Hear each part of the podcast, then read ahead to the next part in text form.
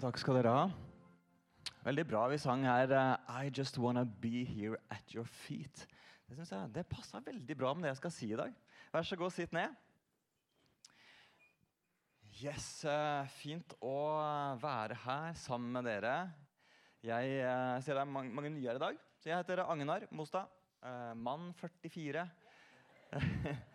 jeg, har, eh, jeg er gift og har tre barn. Jobber som barneskolelærer. Og eh, så jobber jeg litt her i kirka med administrasjon. Så det var litt sånn personalia. Eh, Jeg er også United-fan. Er det andre United-fans her? Ja. Så det er, litt, er jo litt sånn tøft å bekjenne om dagen. eh, Så jeg tror nok vi er flere enn det som, de som står fram nå, altså. Ganske sikker på.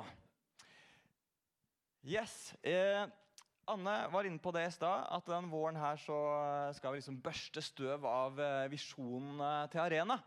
For vi har jo en visjon som ble liksom eh, Når Arena ble født, ikke sant, så ble det født liksom ut fra denne visjonen. Og øh, Ja, og den eh, den ønsker vi at det skal, den sier jo hva vi er, da, og hva vi ønsker og, og skal kjennetegne oss som kirke. Hvorfor vi er til. Men så er det sånn bibelvers som eh, funker best på engelsk. Det står Without vision the people perish. Uten visjon går folket til grunne.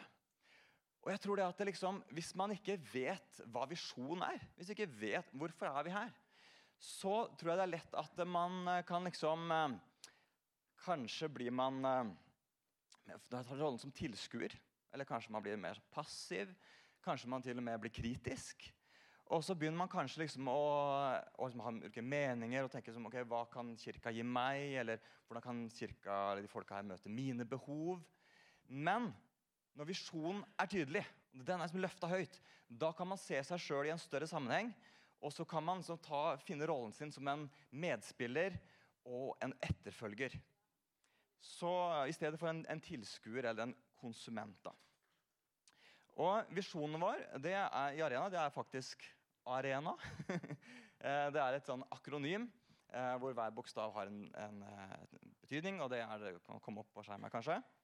Alltid elske Gud, relasjoner, ekspansjon, nådegaver og aktuell. Nå er det sånn at eh, Hvert av de ordene sier kanskje ikke så mye seg sjøl, men, men det følger liksom en beskrivelse med hvert ord som skal pakkes ut nå i løpet av våren. De fem første månedene. Så det er bare til å henge på, så du, blir du marinert i, i visjonen til Arena. Men det som står om A-en i Arena, alltid elsker Gud, det er det her. Det er drømmen om en menighet som med alt den er og har, gir Gud den ære han fortjener. Mennesker som helhjertet hengir seg til Gud i lovprisning og tilbedelse. Det er en menighet full av mennesker som kjenner Jesus, følger Jesus, og som ved sin livsstil reflekterer Jesus. Sist uke snakka Anne om takknemlighet, og da er vi borte her som handler om lovprisning. Eh, og, så var det en eh, eh, Og så var det en Ja, jeg kan bare si Si det, for det, det tror jeg du glemte å minne på. Men vi lanserte jo en, en sånn praksis som vi kan som trene på i januar. Er det noen som husker hva det var? Ja. Jeg så, jeg så ei som husker, jeg så to som huska hva det var. Jenter begge to. Damer. Eh, du, det var å sette av eh, noen få minutter, fem minutter hver dag til å takke Gud. Bare sette av minutter til å takke Gud for det du er takknemlig for. Eh, er det noen som har hatt noen gode opplevelser med det denne uka? ja, veldig bra. Da var det jo flere som har uh, fått det med seg. Uh, jeg har hatt noen gode opplevelser med det. rett Bare sette fokus på Gud og, og være takknemlig. Da har jeg blitt oppmuntra. Uh, Anne sa at det var masse positive bivirkninger ved å være takknemlig. Og Det var en ungdom her eh, på siste møte før jul som, som eh, fortalte hvordan hun satte av litt tid hver dag til å takke Gud. Og så siterte, eller som henviste til noe står i salmene. For, for hun sa eh, For det står jo at vi kommer inn gjennom hans porter med takkesang. Og det er helt sant. Og så er spørsmålet men når vi har kommet inn gjennom hans porter, hva gjør vi da? Jo, da er det tid for tilbedelse. Eh, og det er det jeg skal snakke om i dag. Og jeg har valgt å kalle talen 'Gi Gud det første og det beste'. Da kan vi samle oss i en eh, bønn først. Gode far, jeg takker deg fordi at vi får være samla her om eh, navnet over alle navn. Takk fordi at du samler oss. Det er liksom det er ikke musikk som samler oss, det er ikke bibelvers som samler oss. Det er ikke kaffe som samler oss. Det er ikke, det er ikke først og fremst den enkelte person her som samler oss, men det er deg, Jesus. Ditt navn, navn over alle navn. Det samler oss. Og vi inviterer deg nå til å, å berøre oss, eh, skape overbevisning Eh, Helligånd, åpenbar ordet for oss, sånn at vi kan få kjenne deg, tjene deg, elske deg og følge deg. I Jesu navn. Amen. Ok, Jeg skal rett og slett gå hardt ut og, starte med en, en, fortelling om Jesus. Uh, jeg tar litt vann først. Og Den står i Lukas, Lukas 7, fra vers 36. Der står det en av fariseerne innbød Jesus til å spise hos seg. Og Han gikk inn i fariseerens hus og tok plass ved bordet. Nå var det en kvinne der i byen som levde et syndefullt liv. Da hun fikk vite at Jesus lå til bords i fariseerens hus, kom hun dit med en alabastkrukke med fin salve. Hun stilte seg bak Jesus, nede ved føttene, og gråt. Så begynte hun å fukte føttene hans med tårene og tørket dem med håret sitt. Hun kysset føttene hans og smurte dem med salven. Da fariseeren som hadde innbudt ham, så det, tenkte han med seg selv. Var denne mannen en profet? Vil han vite hva slags kvinne det er som rører ved ham? At hun har levd et syndefullt, eller at hun fører et syndefullt liv? Da tok Jesus til ordet. Simon, sa han til fariseeren, jeg har noe å si deg. Si det, mester, svarte han. Jesus sa to menn hadde gjeld hos en pengeutlåner. Den ene skyldte 500 denarer, den andre 50. Vi skal sammenligne det her med vår tid. da. 500 denarer det er kanskje en, en, ganske grei årslønn, mens 50 denarer da liksom er en ganske god månedslønn. da. Eh, men da de ikke hadde noe å betale med, etterga han dem begge gjelden. Hvem av dem vil da holde mest av ham? Simon svarte, 'Den han etterga mest, tenker jeg.' 'Du har rett', sa Jesus. Så vendte han seg mot kvinnen og sa til Simon, 'Ser du denne kvinnen? Jeg kom inn i ditt hus. Du ga meg ikke vann til føttene mine.' Men hun fuktet dem med tårer og tørket dem med håret sitt. Du ga meg ikke noe velkomstkyss, men helt fra jeg kom, har ikke hun holdt opp med å kysse føttene mine. Du salvet ikke hodet mitt med olje, men hun smurte føttene mine med den fineste salve. Derfor sier jeg deg, hennes mange synder er tilgitt. Derfor har hun vist stor kjærlighet. Men den som får lite tilgitt, elsker lite. Så sa han til kvinnen, syndene dine er tilgitt. Jeg har lurt på det, hvorfor denne fariseeren ville invitere Jesus hjem til seg. Fordi at Jesus han eh, møtte jo ofte fariseere. Det, det var jo en gruppe som oppsto for eh, en gruppe med skriftlærde som oppsto for ca. 100 år tidligere. Og de, eh, de, var opptatt av å fortolke og utlegge loven og befatta seg mye med etikk og moral. Og fordi de var veldig egenrettferdige og framsto liksom som at de hadde skjønt det, de hadde fått det til, mens andre liksom, de måtte skjerpe seg, uh, så, så ble de veldig dømmesyke. Og Derfor kom de ofte i konflikt med Jesus. Og Jesus han kunne gå ganske hardt ut når han snakka med fariseerne. Så da jeg lurt på liksom, Hvorfor inviterte han Jesus hjem til seg? Eh, kanskje var det liksom fordi han ville teste ut Jesus. liksom Finne ut ok, hva, hva er egentlig læren hans. Eller, eh, eller liksom, eh, kanskje ville prøve å sette Jesus på plass. Eller kanskje han bare så at Jesus var veldig berømt, og at det handla om å liksom, henge med de rette personene. At han liksom ville som, eh, være liksom en innflytelse av, av de som liksom trakk mennesker. Jeg vet ikke. Men det som i hvert fall er kult, at Jesus han kom han. Og det viste noe av Jesus' sjenerøsitet. Altså, han var hjemme hos tolleren Sakkeus, og han var hjemme hos Simon fariseeren. Men Jesus han var 100 seg sjøl, uansett hva han var. Det var ikke sånn at han liksom, liksom omform, eh, formulerte seg litt annerledes når han var liksom hos Sakkeus eller, eller Simon. Nei, han, var seg sjøl, med hele seg, der han var. Så var det en kvinne der i byen står det, som hadde levd et syndefullt liv. Og Vi får ikke vite hva den synden besto i. Men jeg tror vi kan slå fast at det var ikke at hun hadde fått mange fartsbøter. eh, og ikke at eh, hun hadde drevet med skatteunndragelse, selv om det hadde hun kanskje også. Men høyst sannsynlig så var hun en sexarbeider eh, og jobba som prostituert. Høyst sannsynlig. Og da tenker jeg at det var veldig veldig rart at hun ville gå inn i huset til denne fariseeren. Og nå var det sånn at, eh, at I Midtøsten så var det vanlig at man hadde åpent hus. At når man hadde selskap, så var det som egentlig bare å dumpe innom. Så det i seg sjøl var ikke så spesielt. Men hun, eh, selv om det var åpent hus, så var hun ikke velkommen. Men hun kom likevel. Og det var fordi hun måtte treffe Jesus. Og Derfor så trossa hun blikkene til folk, hviskinga, alle de nedlatende orda som hun sikkert fikk, fordi det var én som var viktigere.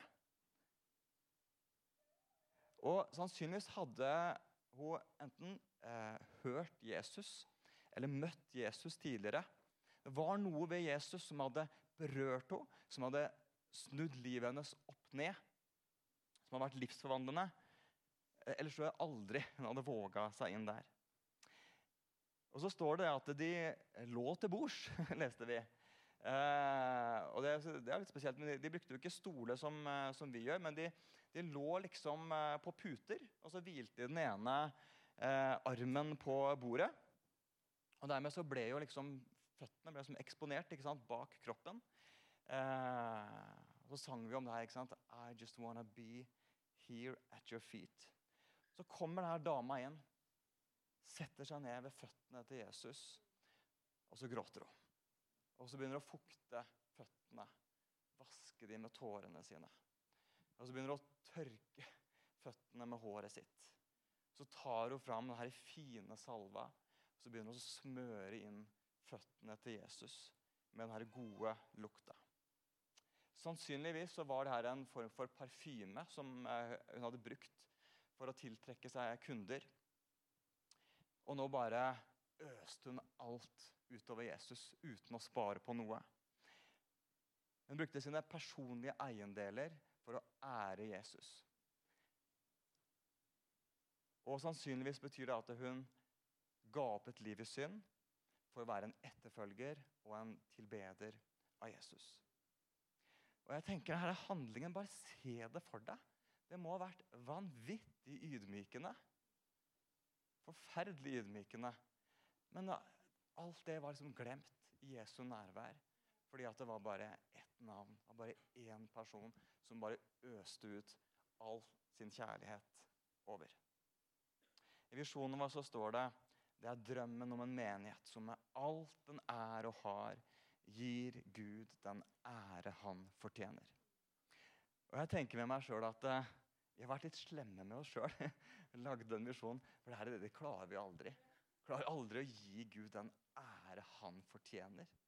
Men så føler jeg at denne dama hun toucher liksom borti det. Hun er liksom, tangerer nesten. Å gi Jesus den æren han fortjener. Og denne hemningsløsheten og, og overgivelsen det er en ekte tilbedelse som er motivert av kjærlighet til Jesus.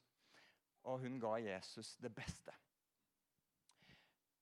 Og Jeg skal koble denne historien her sammen med et bibelvers som, eh, som Jesus sa. I Matteus 6,33, et av de mest kjente versene Jesus sa. Han sa, 'Søk først Guds rike' og hans rettferdighet. Så Dama i denne historien hun ga det beste, og Jesus han oppmuntrer eller oppfordrer oss til å søke Guds rike først. Og det å gi Jesus det første og det beste, det tror jeg er en sånn helt sånn sentral del av det å være en tilbeder. Og Jeg skal lese to bibelvers som sier litt om det. Romerne 12,1. Der står det. Derfor formaner jeg dere ved Guds barmhjertighet, søsken, bær kroppen fram som et levende og hellig offer til glede for Gud. Det skal være deres åndelige gudstjeneste. Så eh, tilbedelse det handler ikke først og fremst om de sangene vi synger til Gud i gudstjenesten. Men det handler egentlig om at hele livet ditt er en gudstjeneste. Altså Du bærer det hele deg sjøl framfor Gud som en åndelig gudstjeneste. Og Så står det videre i 1. Korinterbrev 10,31. Paulus sier det òg. Men enten dere spiser eller drikker eller hva dere enn gjør, gjør alt til Guds ære. Så det er ikke sånn at det liksom eh, at vi kommer her liksom, og så setter vi av en, en, halvtime og så tilber vi Gud. Nei, Hele livet ditt, alt du, alt du er og gjør, ikke sant? det er ment å skulle ære Gud. Og Hvis det ikke ærer Gud, så slutt med det. For livet ditt er ment å være en tilbedelse av Jesus, av Gud. Så hvordan kan vi gi Jesus det første og det beste? Hvis vi skal være en menighet som alltid elsker Gud, hvordan kan vi gjøre det? Har eh, tatt noen punkter som eh, kan være en hjelp, som kan være noen som knagger for oss. Nummer én der vi søker Gud først på dagen. Eh, I Markus 1,35 står det Tidlig neste morgen, mens det ennå var mørkt, sto Jesus opp, gikk ut og dro til et øde sted og ba der. Altså, jeg har veldig tro på å bruke tid med Jesus hver dag. Sette seg ned, eller om du går en tur, men sette av tid eh, til å fylle deg med Guds ord, til å be til Han, takke Han. Og når, det, når på døgnet det passer best for deg, det tror jeg du vet bedre enn meg. Det kan, og det kan endre seg med livssituasjon og døgnrytme og mange ting. Men jeg vil likevel utfordre deg til å ta noen av de første minuttene på dagen sammen med Jesus og gi de til Jesus.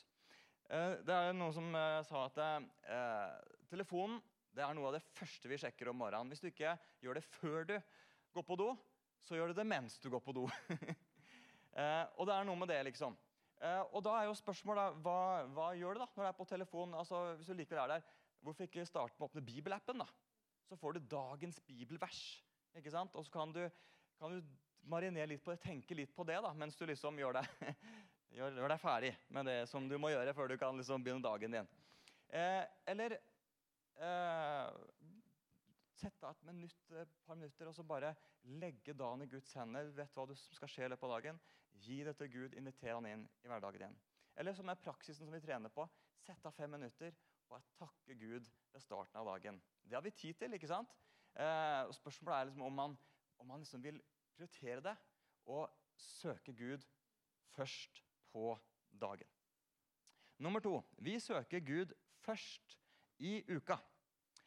Hebreerne 10,25.: Og la oss ikke holde oss borte når menigheten vår samles, som noen har for vane. La oss heller oppmuntre hverandre. Vi er jo vant til å tenke på søndagen som siste dagen i uka, og så begynner mandagen som første dagen. Men eh, det er egentlig fordi vi har klussa litt med kalenderen. Opprinnelig så var jo egentlig søndagen første dagen i uka. Det ser du på engelske kalendere også. Eh, og, og, Vi leser jo at Jesus han eh, sto opp den første dagen i uka. Det var søndagen. Og jeg tenker det at liksom, gjennom uka så er vi utsendt. Eh, på skolen din, eller eh, på jobben, eller i nabolaget, i familien, så er vi utsendt til å tjene Gud og, og bety en forskjell der vi er satt.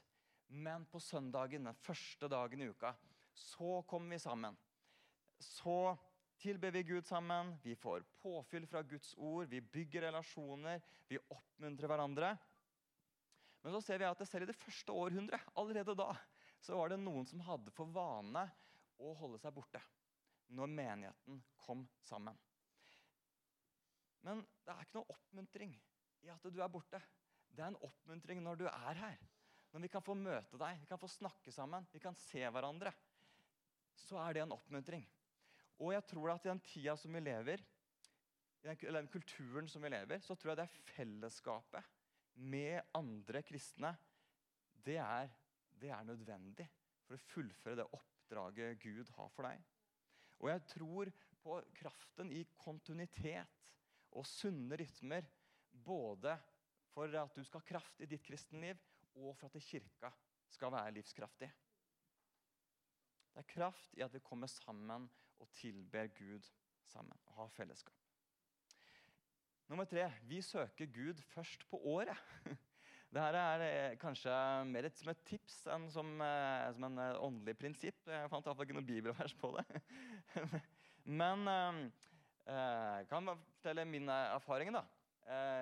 De siste årene så har jeg liksom, i januar så har jeg tatt en sånn mediafaste. Så da tar jeg liksom og tar en måned uten TV og nyheter og sosiale medier. Og det handler egentlig om at jeg ønsker å sette fokus ved starten av et nytt år. Og det kan man jo man kan gjøre det i oktober også. Sette av liksom tid, sette fokus. og funker, uh, funker sikkert like bra, det. Men jeg, jeg har liksom trua på det at når et nytt år er i gang, så er det godt å rydde unna litt for forstyrrende elementer. Og så får man mer tid med Gud, mer tid med Bibelen, mer tid med familien og mer tid med de tinga som, uh, som kanskje liksom som du egentlig ønsker å å bruke tid på det som egentlig er verdifullt for deg. Uh, og jeg hørte, jeg møtte noen i går som uh, har, har De skal lese hele, hele, Bibelen i januar. Jeg vet ikke, er det, det er ikke å spørre, men det er kanskje noen av dere som har gjort det òg. For jeg tror det var en sånn greie da, som går nå, at man leser hele Bibelen i januar. og jeg tenker wow, det er jo kjempebra. Og så kult at det er på starten av året så rydder man tid, setter man noen ting på vent. Og så bruker man tid med det man syns er virkelig verdifullt. Og Det er mange ting man kan faste fra. Det, jo, eh, det kan være sosiale medier, kan, mat er jo det mest vanlige. Eh, det kan være shopping. Det kan være liksom mange forskjellige ting man kan rydde unna. Og så innvier man den tida for Gud. Og det er jo sånn at eh, Jeg tror det kalibrerer oss, sånn at vi blir synkronisert med det som er Guds vilje for oss.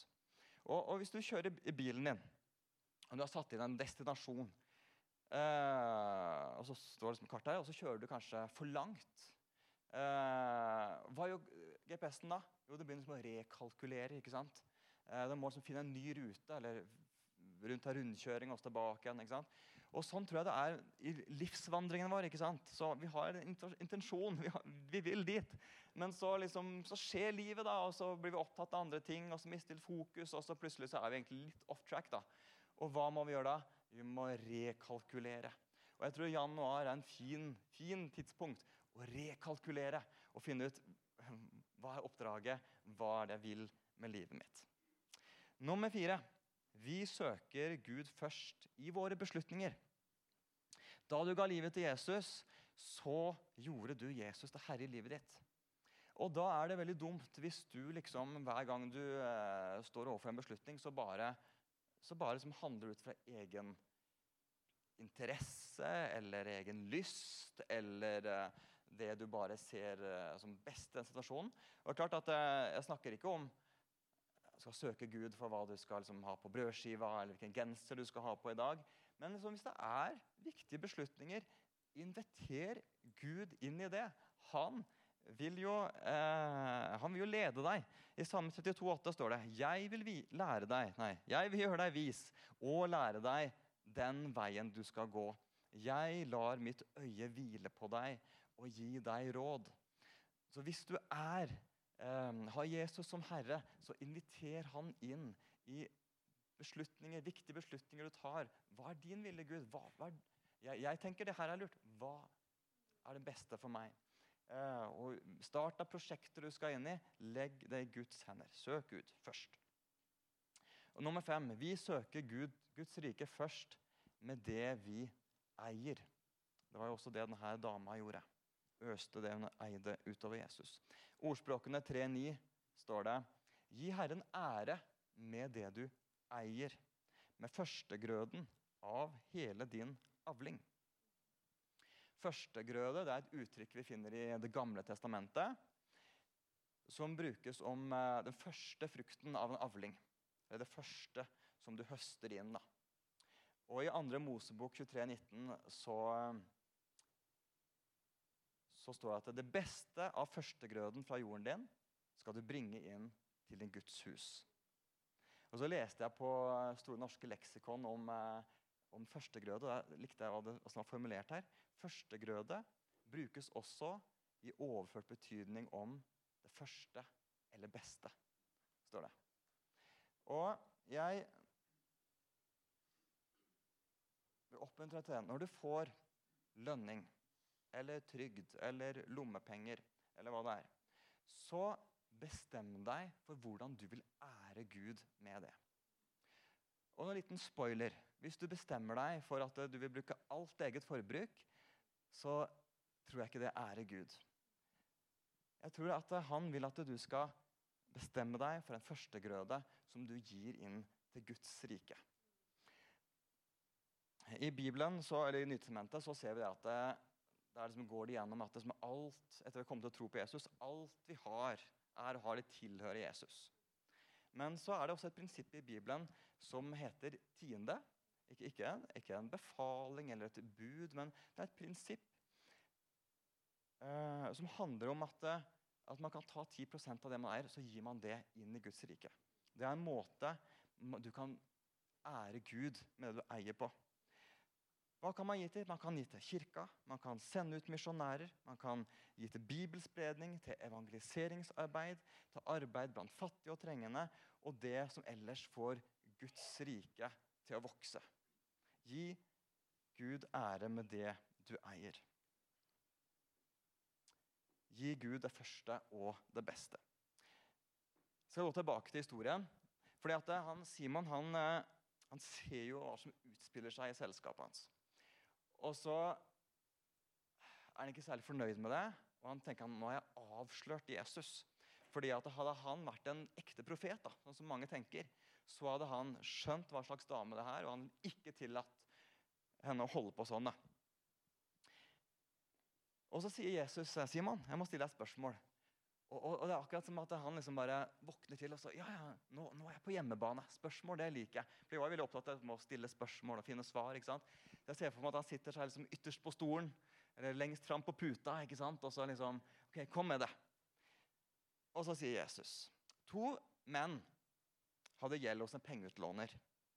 Den ene skyldte 500 denarer, den andre 50. Men da de ikke hadde noe å betale med, etterga han dem begge gjelden. Hvem av dem vil holde mest av ham? Simon svarte. Den han etterga mest, tenker jeg. Du har rett, sa Jesus. Yes! Liksom. Ikke sant? Ah, kunne svare på spørsmålet. Jesus fornøyd. Så vendte han seg mot kvinnen og sa til Simon.: Ser du denne kvinnen? Jeg kom inn i ditt hus. Du ga meg ikke vann til føttene mine. Ouch. Men eh, hun fuktet dem med tårer og tørket dem med håret sitt. Du ga meg ikke noe velkomstkyss. Ouch. Eh, men helt fra jeg kom, har hun ikke holdt opp med å kysse føttene mine. Du salvet ikke hodet mitt med olje. Ouch. Men hun smurte føttene mine med den fineste salve. Derfor sier jeg deg, hennes mange syndere er tilgitt. Derfor har hun vist stor kjærlighet. Men den som får lite tilgitt, elsker lite.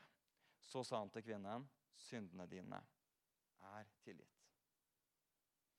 Hvorfor øser denne dama sin kjærlighet ut over Jesus og sin tilbedelse ut over Jesus? Jo, det var fordi hun var tilgitt. Og det var først og fremst fordi hun først hadde opplevd Jesu kjærlighet. Hun hadde fått mye tilgitt, og derfor elska hun mye. Og Simon han hadde ikke fått mye tilgitt. Og det var ikke fordi han ikke trengte så mye tilgivelse. Fordi at han hadde kanskje ikke vært ute på gata og solgt kroppen sin. Men kanskje hadde han snakka dårlig og nedlatende om andre. Kanskje hadde han tatt motet fra noen. Kanskje hadde han undervist fra Bibelen på en sånn måte at han ga et vrengebilde av hvem Gud virkelig er. Og så sier eh, Jakob i Bibelen at eh, Jakobs brev at hvis du har holdt hele loven, men har forbrutt deg mot ett av budene, så har du synda mot hele loven. Så han trengte like mye tilgivelse som denne dama. Like mye behov av tilgivelse. Men det innså ikke Simon. Han trodde ikke han trengte tilgivelse, så han hadde ikke omvendt seg. Han hadde ikke overgitt seg til Jesus og søkt han om tilgivelse. Derfor var han lite tilgitt, og derfor var han lunken til Jesus. I 1. Johannes 4, 19 skriver Johannes Vi elsker fordi han elsket oss først. Og Vi setter jo fokus i arena på at det viktigste for oss det er å alltid elske Gud. Men det du virkelig trenger, det er å se og erfare Guds kjærlighet til deg.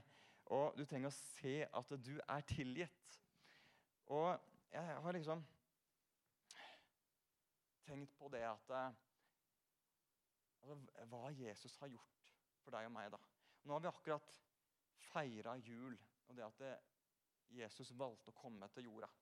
Og liksom tar meg å tenke det ofte liksom, Hvorfor i all verden kom han? Altså, Hva var det som venta han?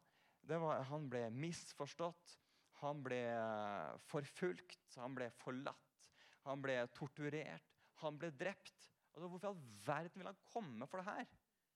Jo, det var jo fordi at hans kjærlighet til deg var mye større enn alle de utfordringene han måtte face. Altså, Det var verdt det alt sammen. Hvorfor? På grunn av deg. Fordi at du var håpløst fortapt uten Jesus. Du hadde en evighet uten Gud i sikte. Uten han. Det var eneste redningen. Så Derfor kunne han tåle å bli forfulgt, tåle å bli forlatt, tåle å bli misforstått, tåle å bli helt urettferdig behandla, tåle å bli torturert og drept. For hans kjærlighet til deg var så mye større. Og det er denne kjærligheten til deg og meg som vi trenger å se, og så blir vår respons en kjærlighet tilbake til Han. I Efeserne 2, 12-13 så skriver, skriver eh, Paulus Husk at dere en gang var uten Jesus. Utestengt fra borgerretten i Israel, uten del i paktene og løftene. Ja, uten håp og uten Gud i verden. Men nå, i Kristus Jesus, er dere som var langt borte, kommet nær på grunn av Kristi blod.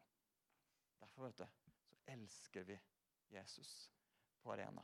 Vi har kommet nær Gud på grunn av Kristi blod. Han får komme fram og spille litt. Gud, han fortjener ditt første og beste. Og, vi, og vi kan, Rent praktisk så kan vi, kan vi gjøre det bl.a. ved å søke Gud først på dagen, søke Gud først i uka.